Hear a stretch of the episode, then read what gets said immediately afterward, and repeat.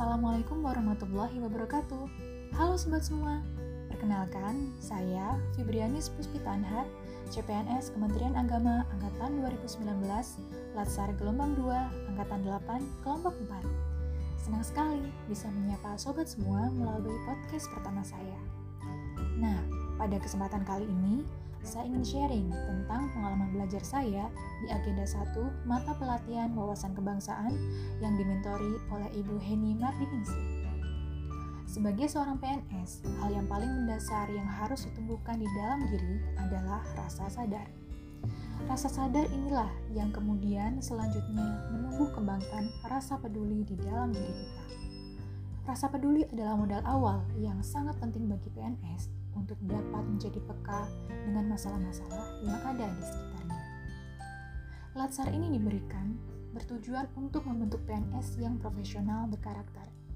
Profesional berarti berperan sesuai dengan profesinya, dalam hal ini adalah dosen. Sedangkan berkarakter artinya bagaimana menunjukkan karakter PNS itu sendiri. Baik agenda 1, 2, maupun 3, semuanya secara sistematik didesain untuk mewujudkan PNS yang profesional berkarakter. Nah, bagaimana kaitan wawasan kebangsaan dengan posisi kita sebagai PNS, terutama dosen? Saat ini kita sudah merdeka, dan sebagai dosen untuk mengisi kemerdekaan adalah dengan terus berjuang dengan ikhlas sebagaimana para pahlawan di masa lampau dosen harus ikhlas dalam membimbing mahasiswa dengan terus menanamkan di dalam hati dan pikiran bahwa semua pekerjaannya akan dicatat oleh Allah SWT dan menjadi amal ibadah. Sebagai PNS, terdapat pula SANKRI atau Sistem Administrasi Negara Kesatuan Republik Indonesia. Kaitannya dengan PNS, SANKRI berperan sebagai rambu-rambu bagi PNS untuk melaksanakan tugasnya sesuai prosedur yang diatur oleh perundang-undangan yang ada.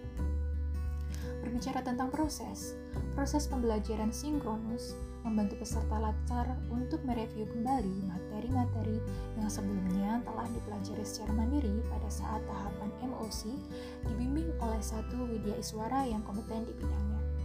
Di sini kami menyegarkan kembali pemahaman-pemahaman kami dan berdiskusi untuk memantapkan kunci-kunci penting dari materi.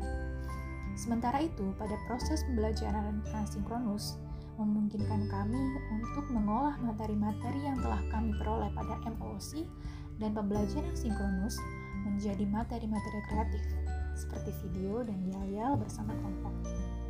Proses ini memberikan kami kesempatan untuk menerjemahkan materi-materi yang sudah diperoleh ke dalam bentuk-bentuk aplikasinya secara kreatif, seperti halnya membuat podcast ini, sembari menumbuhkan kekompakan dan kerjasama antar anggota kelompok. Baiklah, demikian sharing singkat saya mengenai pengalaman belajar hari ini. Terima kasih sudah mendengarkan. Selamat bertemu di bagi pengalaman selanjutnya. Wassalamualaikum warahmatullahi wabarakatuh.